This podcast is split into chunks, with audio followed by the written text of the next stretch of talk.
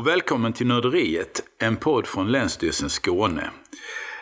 Det här är en hyllning till fackkunskapen som är något vi på Länsstyrelsen gillar. Vi har ju väldigt många medarbetare som kan oerhört mycket.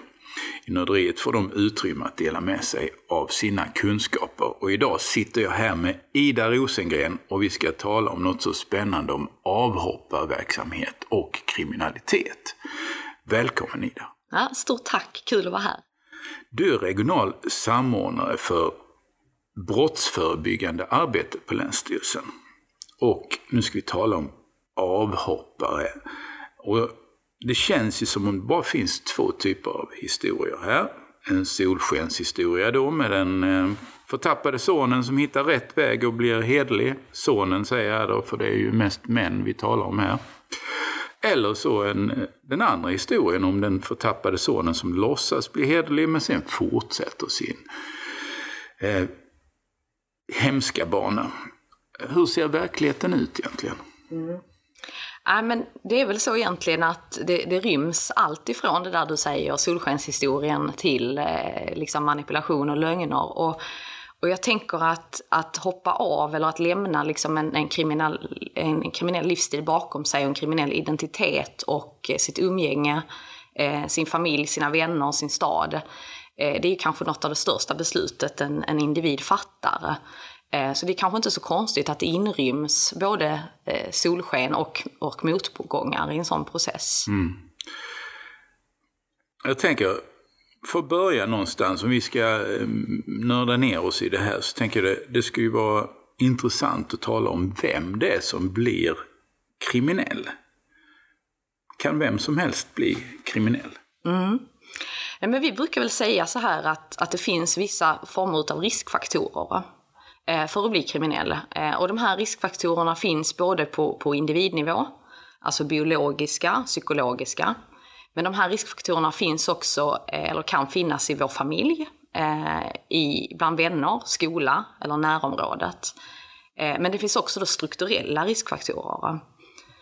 Och en riskfaktor är då någonting som man liksom kan säga en, en egenskap, ett beteende, en händelse, förhållande eller en process som ökar sannolikheten för kriminalitet. Om vi försöker då spalta upp det här lite. Du talar om de, eh, det finns vissa samhällsfaktorer. Om vi tittar på dem, vilka är det? Ja, nej men en väldigt vanlig liksom, eh, samhällsfaktor som, som man brukar nämna är ju till exempel könsmaktsordningen och de konstruktionerna som finns kring, kring genus. Eh, där man ju kan tänka sig att ojämställdhet i, i det allra yttersta faktiskt kan, kan leda till våld då. Eh, men vi ser också då ojämlikheten i samhället. Eh, och det finns liksom omfattande litteratur som visar sambandet mellan just ojämlikhet i samhället och, och kriminalitet. Och faktiskt så har man sett att en av de viktigaste liksom, bestämningsfaktorerna för ett lands mordfrekvens är faktiskt inkomstojämlikheten. Eh, så det är väldigt spännande här att man kan se att eh, variation i brottslighet i länder men också eh, inom länder förklaras ofta av ojämlikhet. Eh, man har till exempel sett i USA att det finns ett starkt samband mellan då ojäm, inkomstojämlikhet och mordfrekvens. Eh, ja, det är ju intressant. Finns det ehm, Finns det fler sådana här samhällsfaktorer som, eh, som spelar roll? Ja, man brukar också i, kriminal, i kriminologin prata om det som heter strain-teorin. Eh, och, då, och då handlar det framförallt om liksom att, eh, att i det samhället man lever så finns det liksom vissa förväntningar på en. Eh, att, att uppnå vissa typer av, av livsmål. Eh, och att man då kan säga att för en del människor Eh, så kommer det finnas sämre förutsättningar än för majoritetssamhället att uppnå de här livsmålen. Och att det i sin tur då skapar en stress, en frustration eh, och en känsla av att man som individ saknar förmåga eller förutsättningar då eh, att uppnå de här etablerade och eftersträvansvärda målen. Och, och, den här teorin skulle i varje fall delvis kunna förklara den problematik vi ser i socialt utsatta områden. Men har ingenting att förlora så varför inte lika gärna gå igång på någonting annat?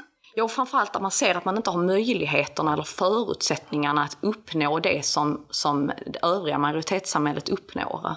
Man kan alltså säga att det är inte den absoluta fattigdomen i ett land som bestämmer kriminaliteten, utan det är skillnaden, alltså den relativa fattigdomen. Mm. Så att växa upp i ett område där det saknas förutsättningar till skola, utbildning, eh, karriär, pengar, jobb, eh, skapar då den här frustrationen, den här stressen.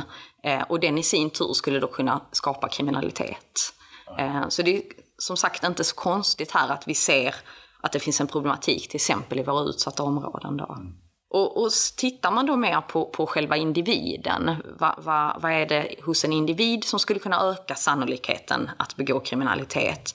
Så är det egenskaper som trotsighet, ilska, oräddhet, eh, överaktivitet, impulsivitet, eh, svårigheter med koncentration, eh, att man har negativa problemlösningar eller negativa attityder. Eh, men också olika former av normbrytande beteende, tidig debut i alkohol eller droger. Eh, eller problematiska kamratrelationer. Mm. Tittar man då mer, lite mer hos föräldrar och så, så ser man ju också att, att en riskfaktor är ju om föräldrar själv har egna problem. Alltså med våld eller med missbruk eller, eller eh, svårigheter med uppfostringsstrategier. Eh, men vi ser också då som sagt, som jag sa innan här, att närområdet spelar stor eh, eh roll.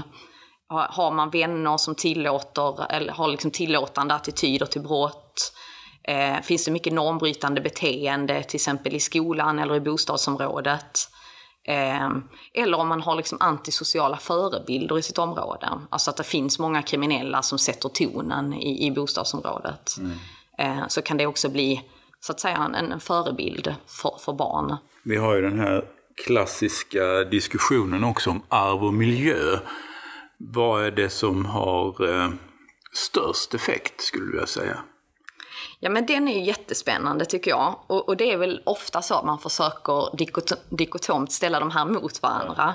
Eh, och det, är, det, det, tänker jag är sorgligt och, och dumt för att eh, det är ju så att de båda två är jätteviktiga. Eh, arvet spelar jättestor roll. Det här jag pratar om, om impulsivitet och trotsighet, eh, överaktivitet, koncentrationssvårigheter. Sånt kan ju naturligtvis vara, vara biologiskt. Men som jag också har pratat om här är miljön jätteviktig. Eh, I miljön där, vi, där barn får, får växa upp, både i familj och i, i närområdet. Men också det som vi pratar om, de här strukturella eh, problemen som finns med ojämställdhet eller med ojämlikhet. Mm. Men med de här faktorerna och diskutera. Men eh, i princip, kan vem som helst bli kriminell? Nej, men jag tänker att det finns lite olika vägar in i kriminaliteten. Eh, och en del människor har fler riskfaktorer än andra att utveckla kriminalitet. Och man kan säga så här att en riskfaktor eh, självständigt, som till exempel trotsighet eller eh, eh ojämställdhet eller eh, fattigdom eller sånt. En riskfaktor enskilt har oftast ganska lågt samband med brott och kriminalitet. Men har man många av de här riskfaktorerna samtidigt så löper man en högre risk att utveckla kriminalitet. Eh, och här är det också viktigt att vi som samhälle går in och boostar. Att de som har många eh, och höga riskfaktorer, att vi då också jobbar med de mer skyddande faktorerna. Mm. För som sagt, stärker vi skyddet så kan man trots att man har ett antal riskfaktorer faktiskt eh, växa upp och bli eh, hederlig. Men det här skyddet som du talar om, vad är, vad är det? För det är ju det som är liksom vad samhället kan göra. Det är ju det som... Men det finns ju då en möjlighet att hejda, stoppa detta. Vad, vad är det som omgivningen, samhället kan göra? Mm. Men man kan säga att en sån här skyddande faktor kan liksom agera som en buffert eh, eller liksom en, en mekanism som försöker förändra effekterna eh, av att man har blivit expo exponerad för risk. Eh, och exempel på sådana här skyddande faktorer eh, brukar vara väldigt vanligt, till exempel att man ska klara skolan. Eh, att ha vuxna omkring sig där man får bekräftelse för ett prosocialt beteende. Eh, en strukturerad fritid Eh, att få lov att vara delaktig som, som barn och ung i prosociala aktiviteter. Eh, och sen som sagt kan vi jobba både med ojämlikheten och ojämställdheten. Eh, så samhället har ju här ett stort ansvar för att vara den här bufferten eh, mot riskfaktorer som finns hos unga. Ja, men en del saker som du nämner här, eh, det är ju svårt för samhället att påverka. Så till exempel en, en eh, ja, strukturerad fritid. Eh, det ligger på familjenivå. Hur, hur gör man då? Mm. Nej, men det har du ju helt rätt i att, att mycket ansvar ligger ju på föräldrarna i, i de här frågorna.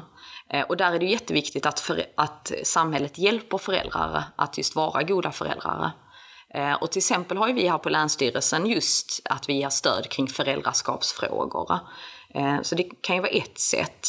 Eh, socialtjänsten är också en jätteviktig aktör här. Att man uppmärksammar barn som far illa tidigt och ger dem korrekt stöd. Men naturligtvis är ju också det civila samhället här som kan erbjuda fritidsaktiviteter jätteviktiga.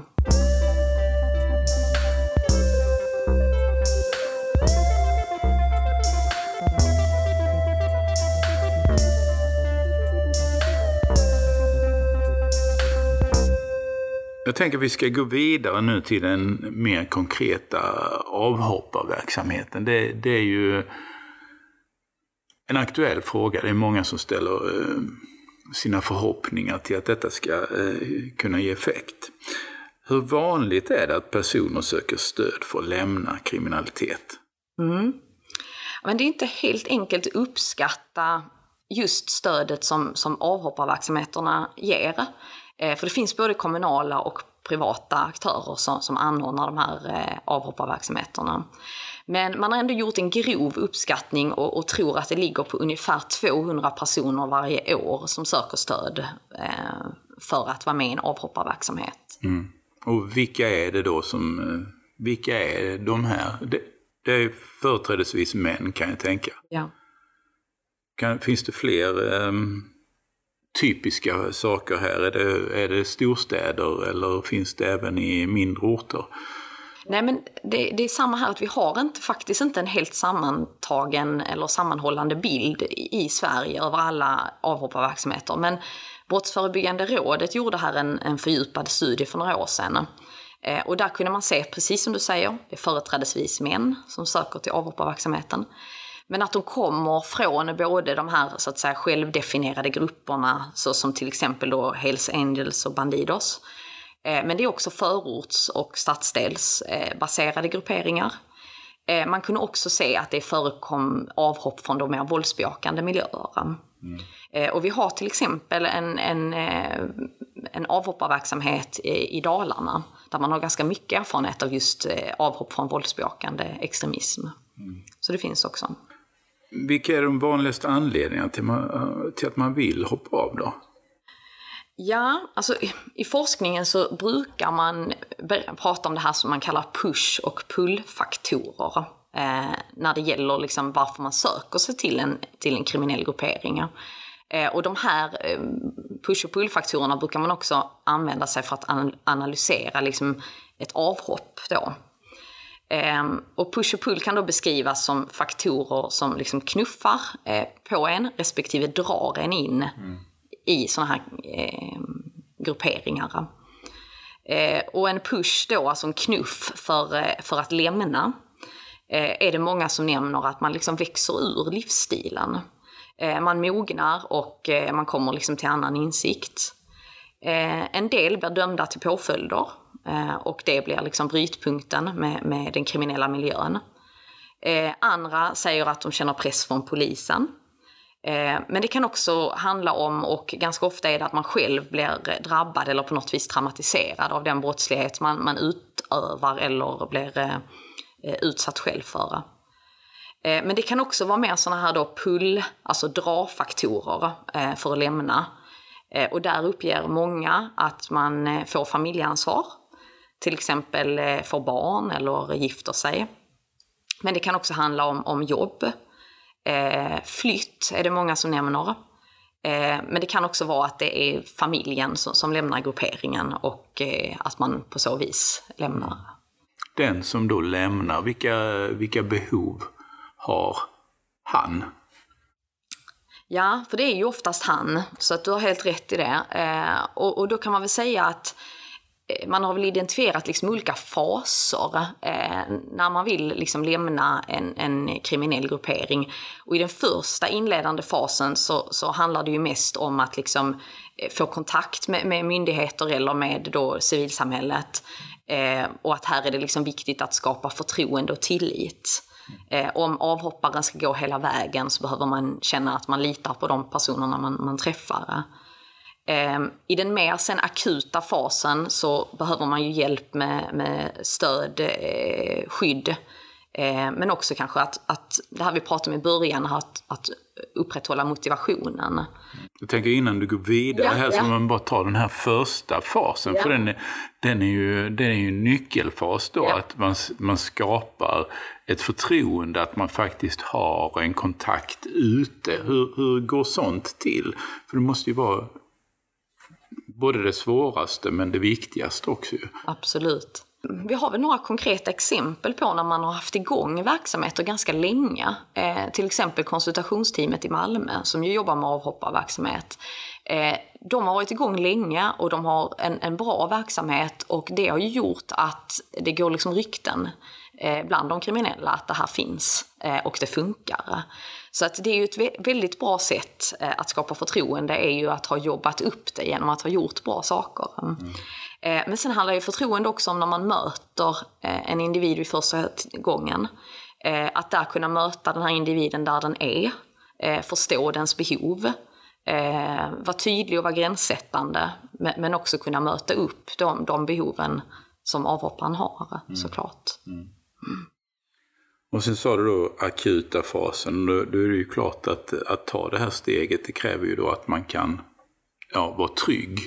Där antar jag att det finns mm, bostäder, andra orter och sånt kan ingå i det där, eller?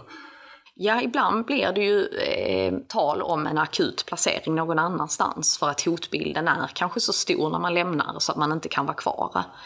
Eh, men i ganska många fall eh, kan man ändå bo kvar. Men man behöver ju ändå ofta hjälp eh, med eh, ekonomi, eh, ekonomiskt bistånd eller eh, kanske avgiftning. Man kanske själv har haft ett missbruk. Eh, Det kan handla om skuldsanering och sånt här på lite längre sikt. Eh, På längre sikt behöver man ju också utbildning eller komma i jobb eller så.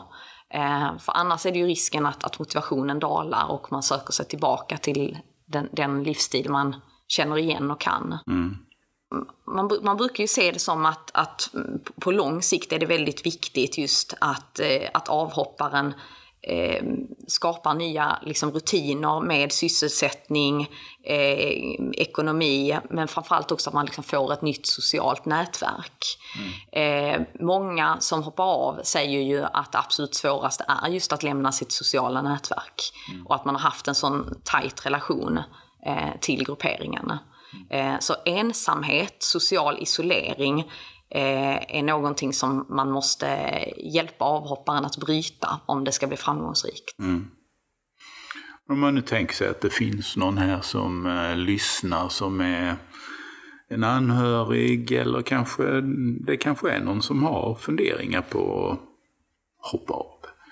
Var, var, var, var börjar man någonstans? Vad är första steget? Var ska man vända sig? Man kan alltid vända sig till socialtjänsten. Eh, för att det, det är de som har de här insatserna som gäller eh, ekonomiskt bistånd, eh, hjälp till, till akut boende eller stöd till missbruksvård. Men det är inte alla som vill gå till socialtjänsten. Och det finns också en del civilsamhällsorganisationer som man då kan söka sig till. Mm. Är man intresserad av det får man ju gärna gå in och titta på vår hemsida, avhoppare.se Eh, som vi här på Länsstyrelsen har tagit fram. Främst som ett stöd till yrkesverksamma som möter eh, avhoppare. Men där finns också information om man som, hur man som anhörig eller hur man som avhoppare kan kontakta eh, rätt personer.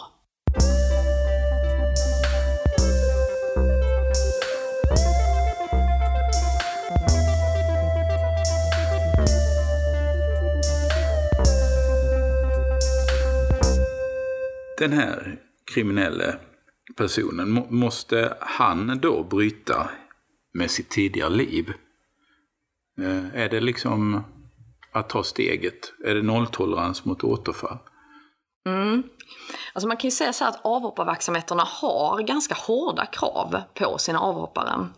Eh, man kan ha lite olika beroende på vilken verksamhet man representerar, men det finns liksom alltid Eh, uppställda krav eh, för att delta i de här avhopparverksamheterna. Vanliga krav är ju att, att man ska vara motiverad att hoppa av då, eh, att man ska försöka eller att man ska bli drogfri. Man ska inte begå brott och man behöver följa den handlingsplan som man sätter upp. Sen kan man väl säga så här att ibland kan man acceptera något mindre återfall i brott Eh, då man vet från de här avhopparverksamheterna att här jobbar man ju med eh, kriminella som är väldigt tungt kriminella eh, och, det kan ta tid innan man helt och hållet har, har, har lämnat. Men, men i, i, de, i de flesta fall så är det ändå så att man man, man har krav på, på drogfrihet och att vara fri från kriminalitet för att ingå i en sån här verksamhet. Vad är det som påverkar risken för återfall? För många är det ju ett otroligt svårt steg eh, att bryta med alla sina vänner, sin uppväxtmiljö, sin gruppering, eh, den sociala samhörighet som, som ett gäng har gett en. Eh, så ensamheten Eh, och svårigheten att skapa nya sammanhang, nya sociala nätverk är en av de största riskerna för återfall i brott. Eh, men också sånt som är viktigt är ju möjligheten att få arbete, utbildning, att kunna vara drogfri. Eh, och också då motivation till det nya livet. Mm. Eh, påverkar mycket om man klarar av det här. Mm. Jag tänker att det här måste finnas ganska mycket forskning på det. Hur, alltså hur många lyckas? Alltså hur, om eh, den, någon hoppar av. I hur många fall lyckas de? Mm. Ja men det gör det. Brottsförebyggande rådet följde upp eh, 108 stycken avhoppare för, för ett par år sedan. Eh, och då visade det sig faktiskt att 6 utav 10 eh, som påbörjade en avhopparverksamhet eh, gick igenom och, och, klarade sig liksom igenom eh, alla de här fyra stegen jag pratade om. Eh, och, och, det här är en hög siffra om man sätter den i ett sammanhang. Ehm, där man tittar på en, en annars, en sån här klientpopulation som kanske kan återfalla med 70 till 90 procent. Mm. Eh, det här är högriskklienter som, som sagt, eh, oftare återfaller än inte. Så att, av, att 6 av 10 då lyckades eh, här är, är, positiva siffror. Eh, och vad jag tror är liksom framgången här är ju att man verkligen har hjälpt avhopparen med de olika stegen, de olika behoven. Och då är fjärde steget, det är liksom långvarig frånvaro från kriminalitet. Exakt. Då har man kanske gjort, eh, liksom, eh, man har kanske skaffat ett nytt jobb, man har blivit drogfri, man har kommit in i sociala sammanhang, eh, man har rätt upp sin ekonomi.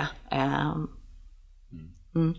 Vad ska man säga då är framgångsfaktorn för att den här avhopparverksamheten ska lyckas? Alltså, det är bra siffror, men vad är det som gör att det lyckas? Mm.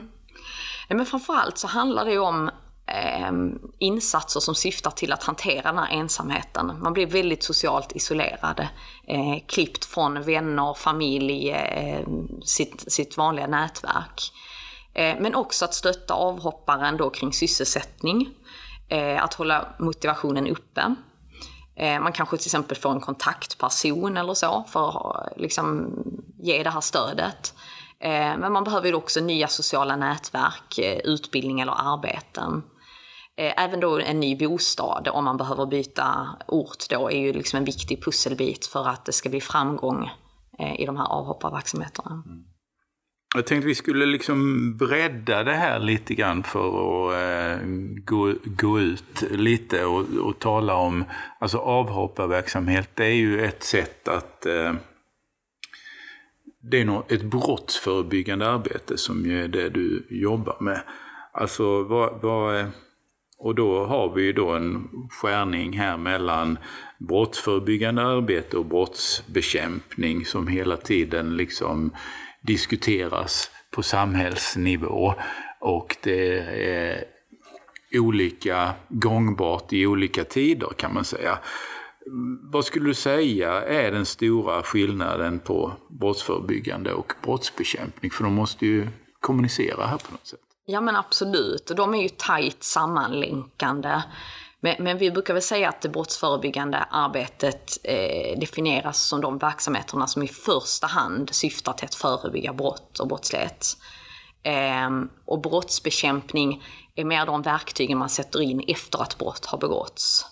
Eh, till exempel ingripande verksamhet av polis, utreda eller lagföra brott, olika former av tillsyn eh, eller myndighetssamverkan för att komma åt då grov organiserad brottslighet. Mm. Finns det någon, kan man se att det, det behöver vara, att de måste kommunicera på något sätt?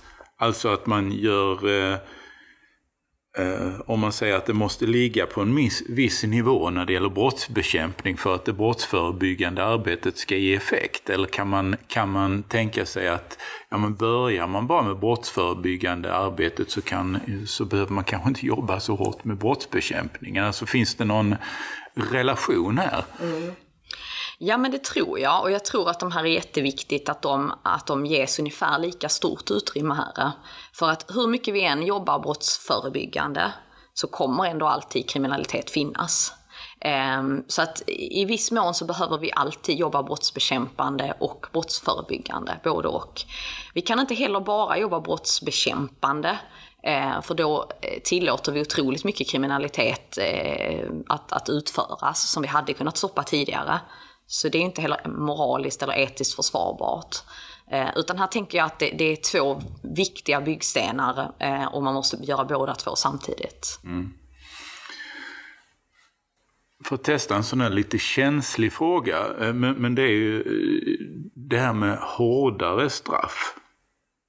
Eh, vad kan man se, vad, hur ser, ser du från din position på detta? Vad spelar det in i sammanhanget?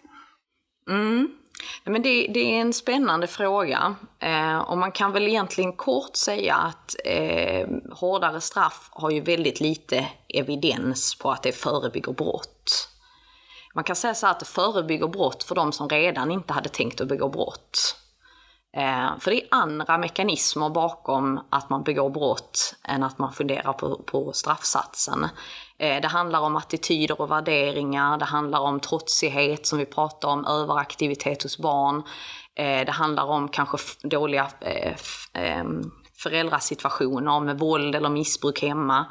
Men också det här strukturella vi pratar om, om inkomstojämlikhet. Så man kan säga att hårdare straff har en ganska liten effekt på det brottsförebyggande arbetet. Däremot så kan ju ett straff eh, behöver ju stå i paritet till det som, som rättssamhället eh, upplever att, att brottet har åsamkat. Eh, så det kan ju vara väldigt viktigt att ha liksom korrekta strafftider för det, det brott man begår. Man brukar också prata lite om in, inkapaciteringseffekten. Mm. Alltså sänker vi brottsligheten för att det är fler människor inne i eh, fängelserna, eh, om de sitter där längre. Och då kan man se att den, den effekten är ganska låg när man höjer straffen. Eh, så det innebär alltså att även om man sitter lite längre så, så kommer inte så att säga brottsligheten att, att, gå ner i samhället. Det finns andra som tar över? Ja, det finns andra som tar över och, och eh, när man kommer ut så, så begår man brotten då och kanske fler då istället och sådär. Så att vad vi vet istället handlar ju väldigt mycket om att få till god utsluss, alltså när, när man lämnar eh, kriminalvården och kommer tillbaka i samhället så handlar det istället där om att jobba väldigt aktivt. För det är ofta de första månaderna precis efter man har lämnat anstalt där det är som högst risk att begå nya brott. Ja. Så, så där behöver vi återigen i samhället jobba aktivt med eh, sysselsättning, med eh, stöd kring ekonomi, eh, med missbruksbehandling, eh, den typen.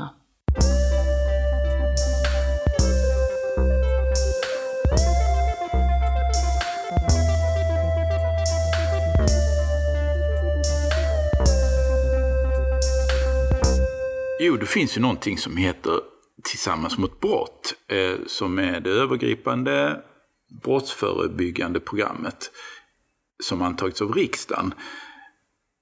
Berätta lite om det.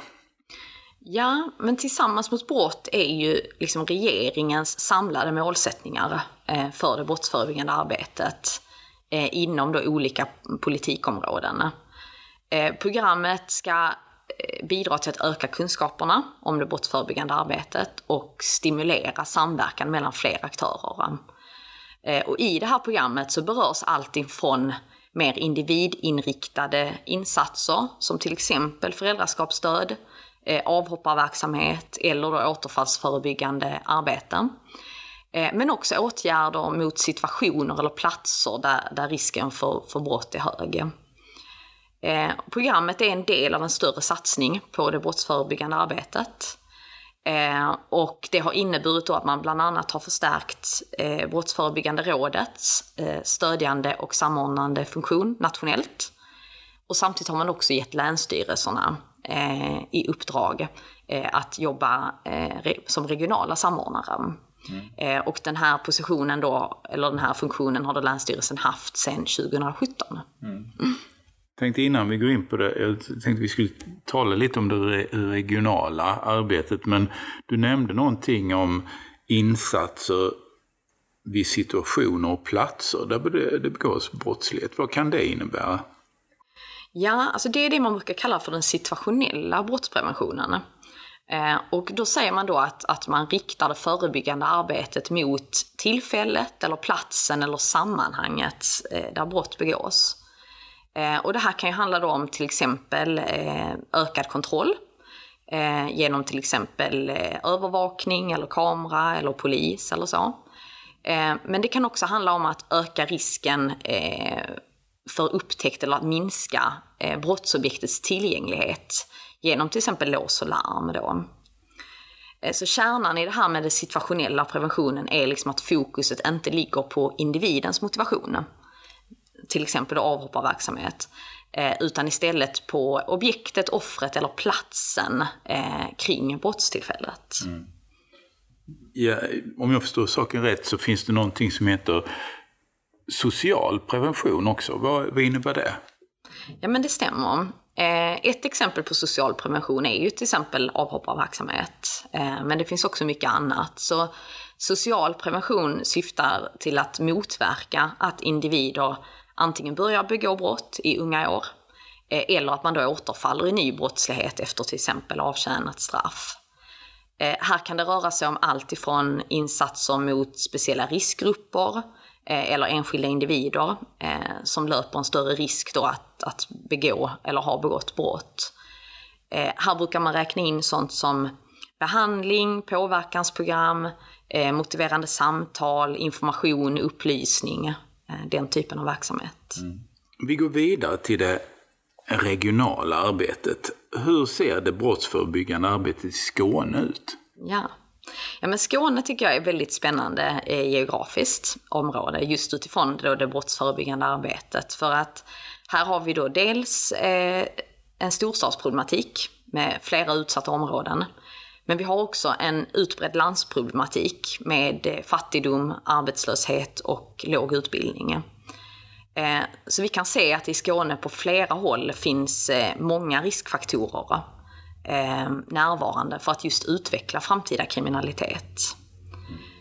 I Skåne har vi sett att det har förekommit ganska mycket gängrelaterad brottslighet, narkotika, skjutningar, och den här kriminaliteten är ju ofta kopplad till de, de utsatta områdena. Finns det någon eh, koppling mellan, om vi säger då landsbygd och storstad? Alltså finns, finns det så, eh, är det så att man kan bli inslussad från, eller är det två parallella universum här?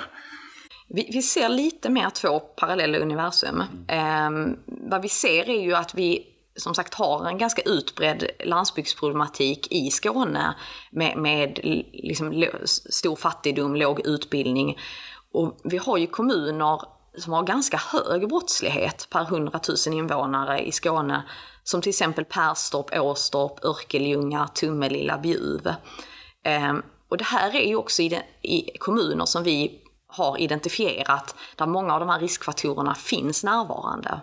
Eh, som till exempel barnfattigdom, låg utbildningsnivå, eh, tillåtande eh, attityder eh, från föräldrar till barns problembeteende eh, eller då en, en ganska utbredd användning av alkohol och droger.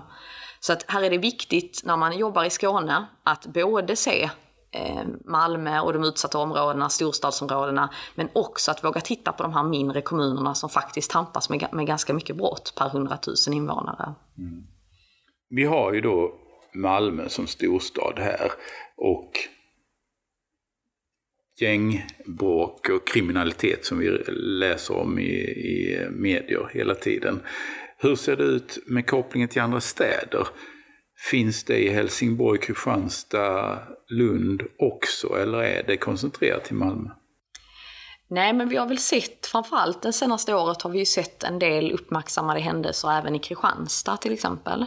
Eh, och även Helsingborg då. Eh, Landskrona har ju tidigare också varit ganska så drabbat, men, men eh, kanske inte li, lika mycket de senaste åren. Men det är ju där vi har de här utsatta områdena i, i eh, Skåne. Eh, och, och en mer storstadsproblematik. Och utsatta områden är ju egentligen bara områden med en mycket hög koncentration av riskfaktorer. Så det är inte konstigt att det är här kriminaliteten bubblar upp. För det är det vi vet med forskning. Att där vi har stor eh, ojämlikhet i inkomstskillnader, där vi har lägre utbildningsgrad, eh, där vi har områden som, som eh, man inte tar hand om, där man har eh, förebilder som är kriminella, där kommer det bli mycket kriminalitet. Mm. Närheten till Köpenhamn och kontinenten för den delen, spelar det någon roll för Skåne? har det någon påverkan?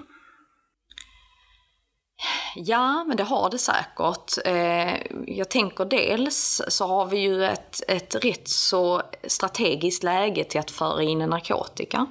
Eh, så jag vet ju att tullen har liksom jobbat väldigt aktivt i, i Skåneområdet och, och konfiskerat väldigt mycket. Eh, så där kan man väl säga att, att Skåne ligger liksom bra till utifrån de kriminella synvinkel. Eh, att kunna eh, frakta droger över bron eller eh, via färjorna. Mm.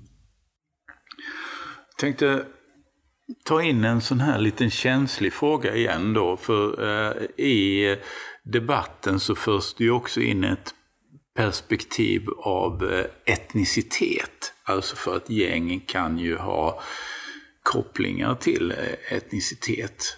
Hur, eh, hur kommer det in i det här sammanhanget? Mm. Nej, men jag tycker det är bra att du tar upp den, för att den är, den är viktig att, liksom, eh, att hålla koll på. Och vad man kan säga är ju eh, att en riskfaktor för framtida kriminalitet är ju att vara, att genomgå en migration.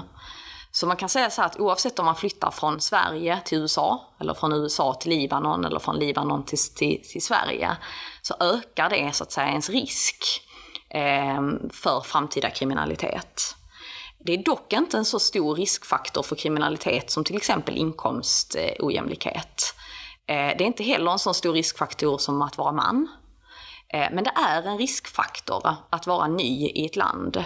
Eh, och då spelar det som sagt ingen roll vilken etnicitet man har. Och den riskfaktorn att vara ny i ett land, eh, den behöver ju då vi som samhälle omhänderta. Så för oss är det ju jätteviktigt att jobba med integration till exempel. Eh, så, att den här, så att vi buffrar mot den här riskfaktorn. Mm. Det har ju varit jätteintressant att lyssna till dig Ida. Eh, och det hoppas jag att ni som lyssnar också tycker. Och Eh, vi kommer snart att återkomma här i Nörderiet med ett nytt ämne. Då hörs vi om det. Men jag tänkte ge dig sista ordet Ida.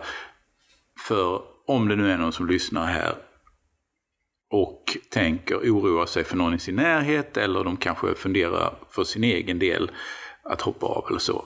Vad gör de?